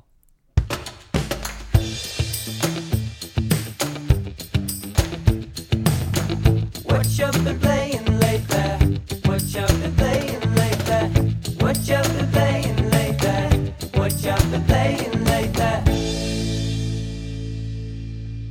Ja, eh, Gå som en dans eh, snakket vi om, og Rocket League snakket vi om. Og jeg eh, mistenker jo at vi skal innom Rocket League litt igjen, Peter, når vi nå skal snakke om hva vi har spilt siden sist. Skal vi ikke det? Oh, yes. Jo, Ja da. Så fortell. Ja, da, har- da har jeg spilt litt Rocket League. Ja. Du har spilt Rocket League. Ja, så jeg har putta rakett i rumpa på bilen og så sprøtte rundt og fløy. Ja, det er utrolig dårlig å fly ennå, det er jeg. Men det er jo kjempeartig. Det må jo si, Eh. sies, nå er det jo bare en snau måned til Flåklypa Grand Prix slappes Mm. på Switch og PC. Hadde vi klart å overtale Rocket League. Psyonix, uh, Cyroxis uh, Husker ikke Mm, ja. utviklerne. Hadde vi klart å overtale til å få inn Il Tempo Gigante? Det hadde vært legendarisk bra. Da hadde vi dratt oss baklengs inn i Mm. fuglekassa, altså. Jep. Det hadde vært kult. Make it so. Yep. Ellers har gått uh, mye av det vanlige. Warzone. Mhm. Hadde en par uh, noen gode kvelder der. Mhm. Uh, Far Cry 5 jeg er ferdig med nå. Ja, På, jeg har fullført New Game Plus. Ja. det er jo skal jeg si. Og det passer jo veldig godt, for nå i snakkende stund så kommer jo Far Cry Mm. 6 ut i morgen tidlig. Så. Eh, Er du klar for å teste ut et nytt Far Cry, eller kjenner du at du må ha litt pause nå? før Jeg skal, jeg skal ha litt pause. Det er en blanding av ja, Far Cry har en tendens til du, du vet hva du får. mm. Eh, storyen er ofte god, uh, men spillmekanismen og sånn der er jo Jeg kan antageligvis starte uh, sekseren i morgen og vite alt hva, hvordan ting funker. Mm. Men, men jo da, det skal, alt, det skal jo testes. Mm. Så spent på det. Jeg er litt der på Far Cry 6 sjøl, at det er litt sånn at det, Far Cry er liksom helt greit, men det er ikke så mye mer enn det. Men så slenger de inn den der lille chorizoen, den her lille dachsen som ikke har bakbein, sånn, og sånne hjul som han driver og tasser på. Og likevel så er han jo så glad hele tida, og det er bare sånn Ja. Å, chorizo! Og bare sånn, ja, det, det er så lystige greier at de vet Mm. akkurat hvordan de skal hanke meg inn. Ja. Og så er jeg veldig spent på bad guyen. Jeg syns det virker som en spennende karakter. Mm. Og fem De fikk jo uh, Josie Seed syns jeg var en god bad guy, men hvis han klarer å få det tilbake til Far Cry 3, Mm. der har du jo Altså, der har du noen karakterer som bare er helt fantastiske. Det er jo der lista fortsatt ligger. Uh, ja, så. det er det. Uh, så, men ja, så det har jeg spilt uh, ferdig. Og så eh, har det jo gått eh, ganske mye i Hori- Horizon Zero Dawn. Ja, Eh, Horizon, siste. Mm. Ja, Oh, det, Det der vil jeg ha, litt rapport. Åh, det, jeg prøvde jo i um, Når det kom på PC, så var jeg jo Mhm. tidlig på og fikk tak i det. Og det var jo eh, legomania ut av en annen verden. Eh, ja. Hvor jeg da basically torturerte meg gjennom eh, 10-15 timer Mm. for å prøve å liksom og Justert og justert og prøvd litt, og så ble, og så ble det for tungt igjen, og så Og så oppgraderte jeg jo PC-en i sommer, Mm. Og det går som en dans. Fikk jo to bra. Yes!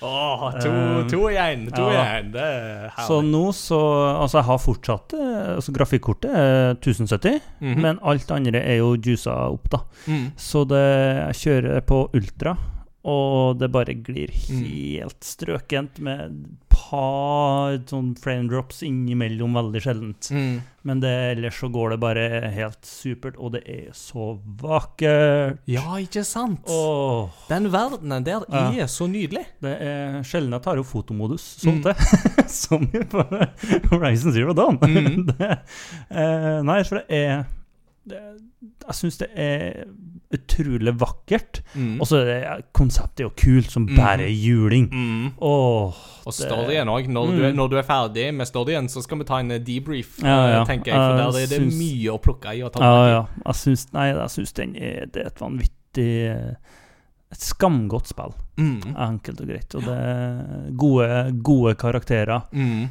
Eh, karakterbygginga og historien, hvor hun kommer fra, og med han som eh, far.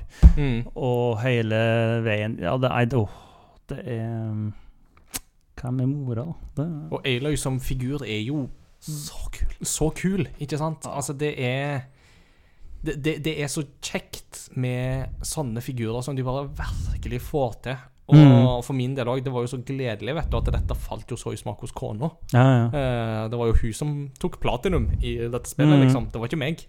Det er mye arbeid. det er mye arbeid, men hun gjorde det, Det er- uten problem. Så Mm. det var Jeg, må fortelle, jeg, var, jeg var sykt fornøyd. Eh, det var når jeg spilte i går, eller forleden. Så eh, var det en av disse Hunting Lodge-oppdragene som du skal Ja. Du skal få tak i forskjellige solmerker. mm. Det Sol, måne og tredje ting. Eh, Stjerne. Sikkert. Ja. Uh, i hvert fall. Du, ja, det er tre forskjellige oppdrag til hver sånn, og det ene oppdraget var at du skulle Du starter jo alltid med å slide ned det tauet, og så skulle du ta og sank fra Du har den krabbelignende robotene Mm. uh, med en boks på ryggen. Mm. Som du, måtte, du skulle slide ned, så skulle du lute fire sånne bokser. Mm. Uh, og jeg slet noe så sinnssykt med å få til, og så søkte jeg på nettet, og så så jeg på en YouTube-video, og det lå det jo seks bokser på bakken, så det var jo bare å sprenge inn og fikse det med en gang, men Mhm. til meg gjorde det jo ikke det. Mm.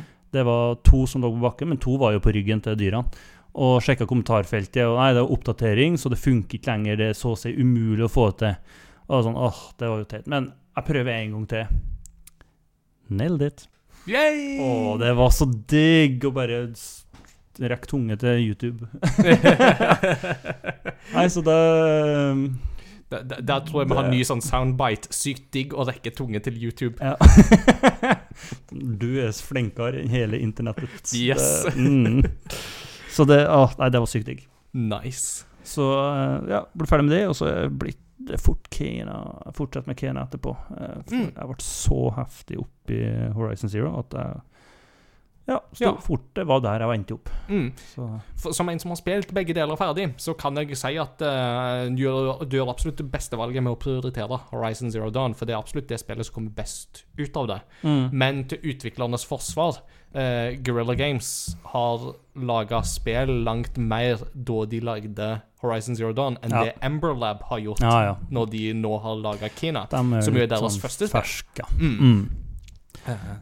Nice. Så ja eh, Apropos det- Kena. Ja, apropos Kena, så har jeg nå spilt ferdig Kena Bridge of Spirits. um, og skrevet en anmeldelse som du kan lese på crossovergaming.no.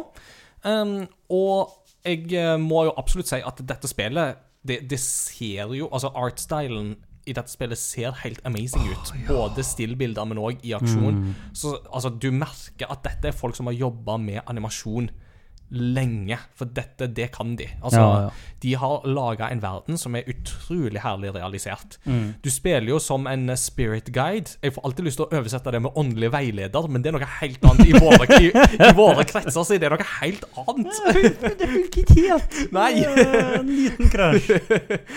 Men, Men, Ken, ja. ja. så hun er en spirit guide som jo da skal liksom hjelpe de døde um, som eventuelt ikke liksom klare til å gi helt slipp på vår verden, Mm. eh, videre til det hinsidige. Mm. Det er jo hennes jobb. Så hun kommer til et eh, område der det er en landsby som er um, litt øde og forlatt, og overtatt av liksom litt sånn naturråte rundt omkring. Um, så og, og der det er en sånn veldig sterk ånd som nekter å gi litt slipp på, på, på livet, på mange måter. Så Kena må jo da rundt omkring for å fikse dette, og hun slipper å være alene, for hun får jo hjelp av eh, sånne små svarte skapninger som kalles for rot, som jo er supernusselige og koselige, og du kan kjøpe hatter til de. Nei! Ja! Åh, Så kan du kjøpe små hatter og så sette på hodene deres, og det er så søtt. wow. Eh, de er jo bare supersjarmerende, og de kan jo hun kommandere rundt omkring, nesten Mm. litt sånn som Pikmin i Pikmin-spillene. Um, og så hjelper de henne i kamp og, og sånne ting. Um, og når du da på en måte får tatt mm, Altså rydda ut fiender og litt sånne ting, så forsvinner den her råten ifra naturen, og så blir liksom naturen liksom frisk og grønn sånn med en gang. Det minner meg veldig om Åkami Okami eh, fra midten av 2000-tallet, som var et sånn Capcom-spill som minner om Twilight Princess.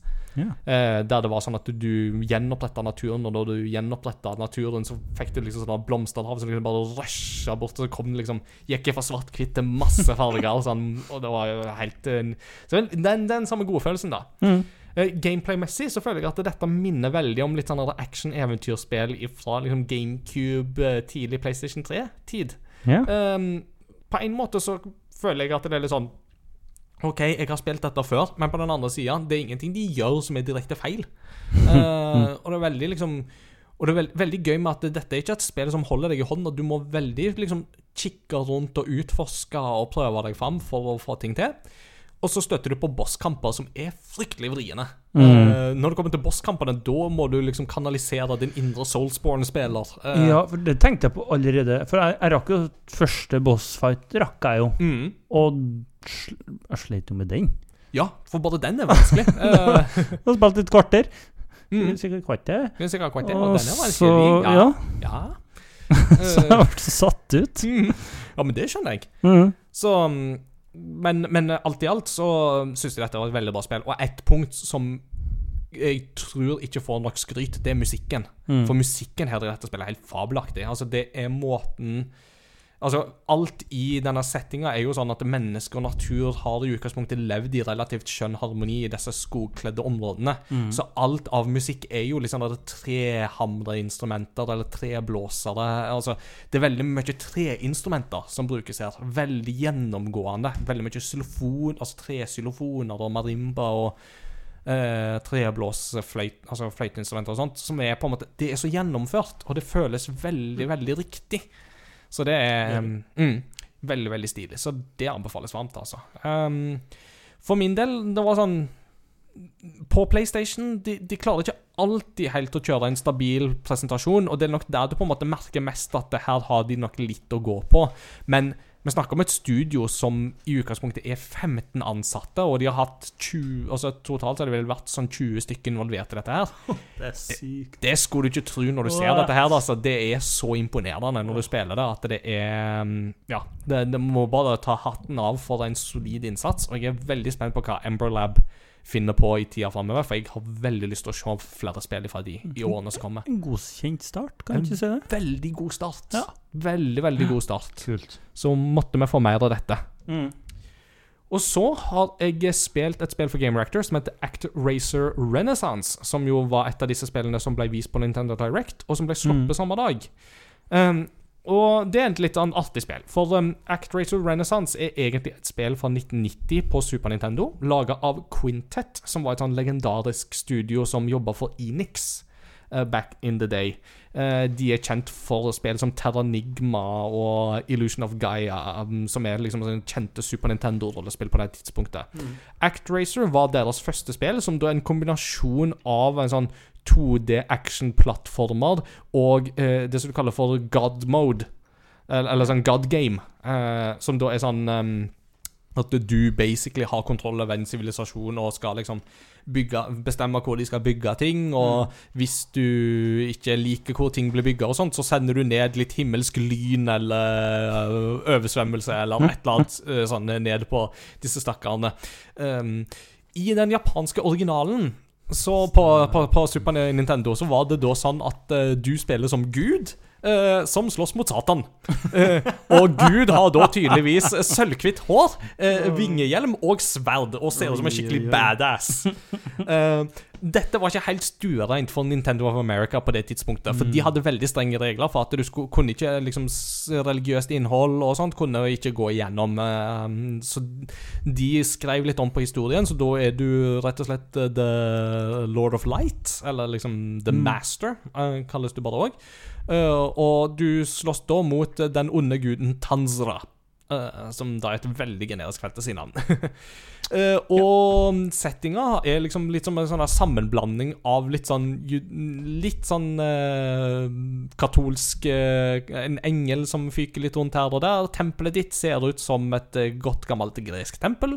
Og fiendene du slåss imot, det er alt fra minotaurer til faraoer til Ja. ehm, Sfinkser til Ja, you name it, basically. Mm. Så det er en sånn fin sånn hodgepodge av um, ting i mytologi, rett og slett. Mm.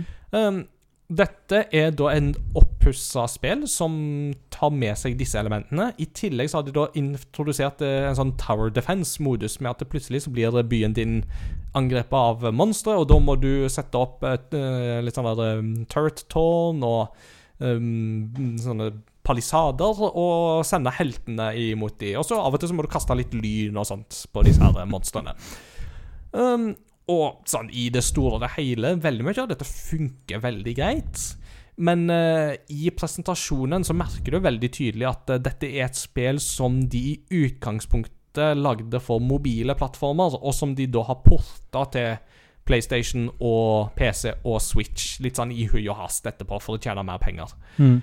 Så for gamle Quintet-fans er det nok kanskje ikke liksom helt det gjensynet man kanskje skulle håpet på. Uh, man skulle nok kanskje håpet at de liksom hadde brukt litt mer uh, care uh, og tid på, på dette. Men det som er veldig gøy med dette, er at de gamle Quintet-spillene har fått veldig lite oppmerksomhet etter Super Nintendo-tida. Mm. Eh, I dag er det jo Square Enix som sitter på den lisensen. For du hadde, Før så hadde du Square, og du hadde Enix, som da slo seg sammen og ble til Square Enix. Og de har jo vært flinke på å liksom gi ut igjen gamle Final Fantasy-spill og gamle Mm, Dragon mm. Quest-spill. Men sånn som Act Racer eller uh, Terranigma eller disse andre Quintet-spillene, de har liksom ligget veldig brakk veldig lenge. Så det som er litt gøy, er da at nå får ActRacer en nytt, et nytt liv. Um, og det mm, Ja, og selv om det liksom Det føles som et helt greit spill, og ikke så mye mer enn det, så er det likevel veldig kjekt med tanke på hva det representerer. Så mitt håp er jo at uh, nå kan um, disse andre Quintet-spillene få liksom en, en ny oppussing og en ny sjanse, og kanskje gis hvis de er en sånn samlepakke. Det hadde jo vært veldig veldig kjekt. Litt sånn som Ja. Ma Mana-serien fikk for noen år siden med The Collection of Mana. Og så, Kult. helt til slutt, eh, så har jeg fått begynt på Deathloop. Så har jeg ikke kommet lenger enn det, men jeg har begynt på Deathloop på PlayStation 5. Mm. Eh, og det er jo um, Arcane Leon som står bak. De som jo har laga Dishonored og Prey. Eh, og så langt så er det veldig gøy. Um, Eller veldig gøy, sier jeg. Det, det er gøy, men jeg har nok ikke kommet til liksom, det er liksom sånn at jeg higer etter å komme tilbake fra jobb for å spille videre. Nei. Eh, så jeg har ikke helt liksom bikka den der su supercomputergøy ennå. Men Mm. jeg er absolutt på vei dit. Det merker jeg. Mm. Men det er jo dette konseptet da med en person som våkner opp på en øy der eh, dagen, dagen går i loop, og, og skal bryte denne loopen med å ta livet av åtte visionaries. Um, og hele tida så har du da ei annen som òg husker alt Altså hun òg er liksom klar over at ting går i loop, og liksom henger med på deg på det. Og ja. Det er Settinga er jo veldig sånn eh, 60-talls uh, Mm. James Bond-helgenen-stil, som er veldig, veldig kul. Uh, ingenting å si på det. Det er kjempestilig. Uh, presentasjonen er nydelig, og allerede nå så merker du den der klassiske arcane eh, level design. For de er jo utrolig dyktige på dette her med liksom det Her er målet. Her begynner du, men hva vei du går, det er litt opp til deg Mm. de er jo utrolig dyktige på å lage liksom denne type sånn fram og er tilbake-manøvrering og sånt, som er an, an, uh, Anders snakket jo litt om det i, i forrige episode. Mm. Ja, ja. Så jeg gleder meg til å spille mer av Deathloop. Eh, det eh, lover veldig godt så langt. Føles veldig uvant å spille FPS på konsoll igjen. Jeg spiller på PlayStation 5, eh, så Men eh, det skal funke, det, altså. Så det, det blir veldig gøy å Mm. teste dette framover. Og ikke minst når jeg kan åpne litt flere sånne evner og abilities, da tror jeg det blir Mm. veldig, veldig artig. I come across over gaming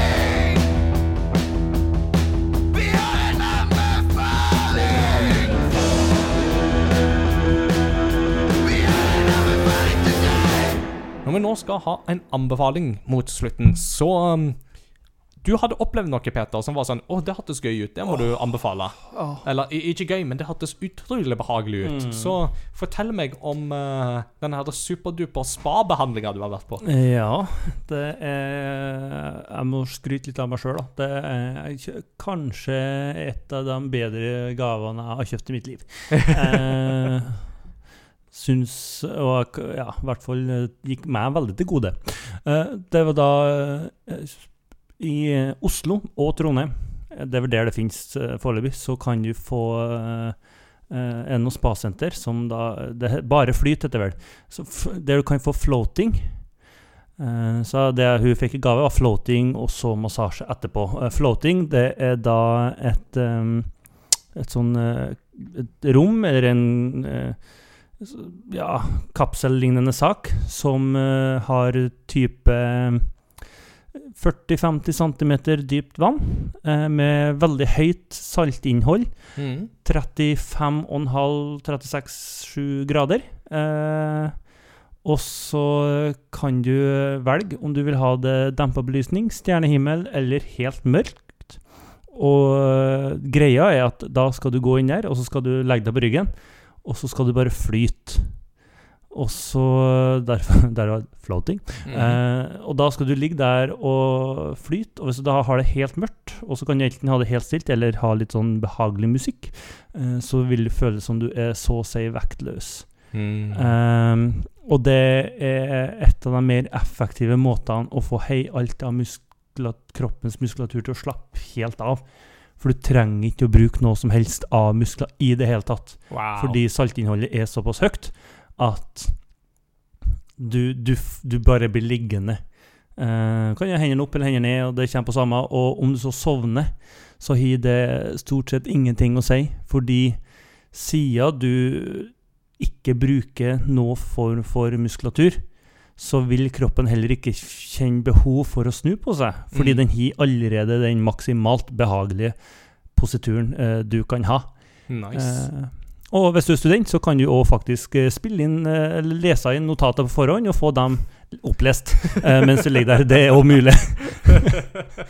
Uh, og hvis du da følger etter med en massasje, så er det den ultimate opplevelse, for da får du liksom Du er aldri så avslappa i kroppen og muskulaturen som etter floating, og så får du Ja, det åh. Dette, jeg har jo snart en ferie i Det- veka. Dette ja. hørtes veldig fristende ut, egentlig. Det, det, det, det, er helt vilt. Eh, Det var så deilig å bare Du bare kobler Når du klarer å stenge av ut alt, Mm. og koble av alt sammen, så var det bare helt uh, fenomenalt. Dette her Så- eh, ja. Mm. Dette her som du beskriver med liksom at hvis du har det liksom helt svart eller stjernehimmel, og mm. at du føler at du er i en tilnærmet vektløs tilstand, så hadde det jo passa veldig godt å bare slenge inn Space, the final frontier. Eller mm -hmm. altså, eventuelt litt Star Wars, hvis du vil ha det. Nei, men altså, det, det hørtes jo faktisk veldig veldig behagelig ut, spør du meg, da.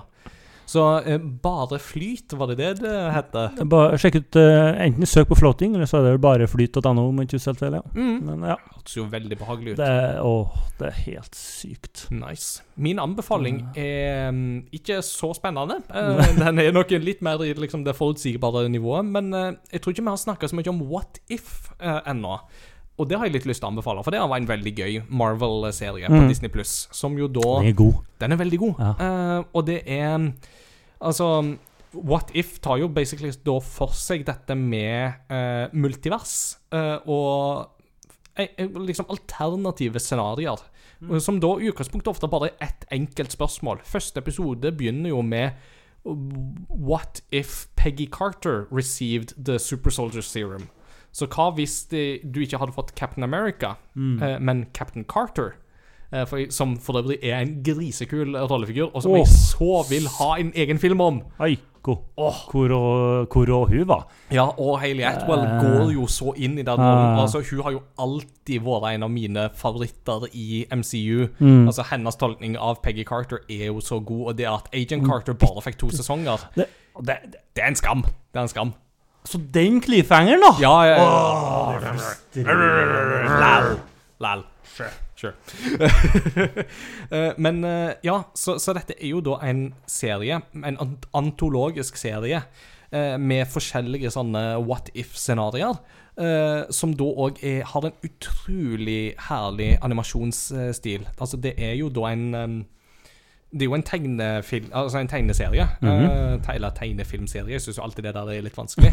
De har nok lagd den via data og sånt, men det ser mer ut som tegna enn det ser ut som dataanimasjon. Ja. Og det syns jeg er veldig behagelig, og det kler jo Marvel veldig godt, naturligvis. Mm. Uh, og ikke minst, det er hjerteskjærende og varmende når du har andre episoder, og andre episode er What if um, T'Challa joined the Guardians of the Galaxy? Altså, hva hvis Mm. det var Black Panther som ble tatt med opp i verdensrommet og ble med i Guardians of the Galaxy? For da har du jo Chadwick Boseman sjøl som stemmeskuespiller. Mm.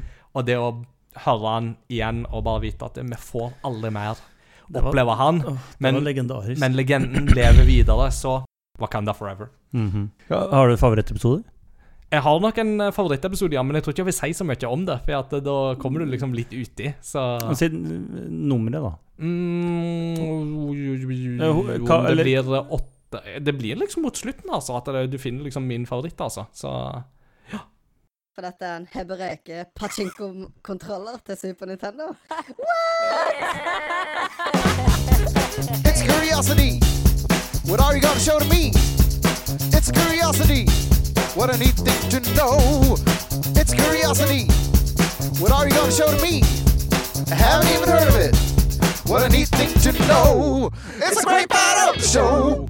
Da er det på tide å ha en kuriositet. Og jeg eh, nevnte i Retrospill-laug-episoden at eh, en kuriositet som dukka opp der, hadde jeg egentlig lyst til å spare til hovedserien. Så jeg tenker å ta den igjen her, for de som eventuelt ikke har hørt Retrospill-laug-episoden om Donkey Kong Country. Og da skal vi nærmere bestemt til Donkey Kong Country 3, et spill som kom ut på Super Nintendo i 1996, på slutten av 1996. Det som er litt artig, er at i det spillet så må du besøke den gamle bestemor Wrinkly Kong for å lagre spillprogresjonen din. Og av og til så sitter Wrinkly foran en TV-skjerm, og så sitter hun og spiller noe som da er en liten svart boks med noe grått som stikker opp, og så hører du noe musikk fra TV-skjermen. Og det hun da sitter der og spiller på, det er en Nintendo 64. Og musikken du hører, er jo da dette slott slottstemaet fra Super Mario 64. Den Bam, bam, bam, bara, ba, bam, bam, bam, bam, bara, ba, bam. Åh. Det som gjør dette litt ekstra gøy, er at for de som spilte Donkey Kong Country 3 i Europa, da det kom ut, så var dette før Nintendo 64 var lansert. Og Super Mario 64 Oh. var lansert. For her, ja, for her snakker vi liksom en overgang mellom konsollgenerasjoner. For Ja. Nintendo 64 ble jo lansert uh, sankthans uh, 1996 i Japan. Og utpå høsten 1996 i Nord-Amerika. Men i Europa så kom ikke det ut før 1. mars 1997. Så det vil si at når de da sitter og spiller Donkey Kong Country 3 i Europa sånn ca. fire måneder før, så er dette første smakebiten av Super Mario 64-musikken som de da får. Og jeg bare sånn der Fine. dette er fint, altså. Dette er jo herlig.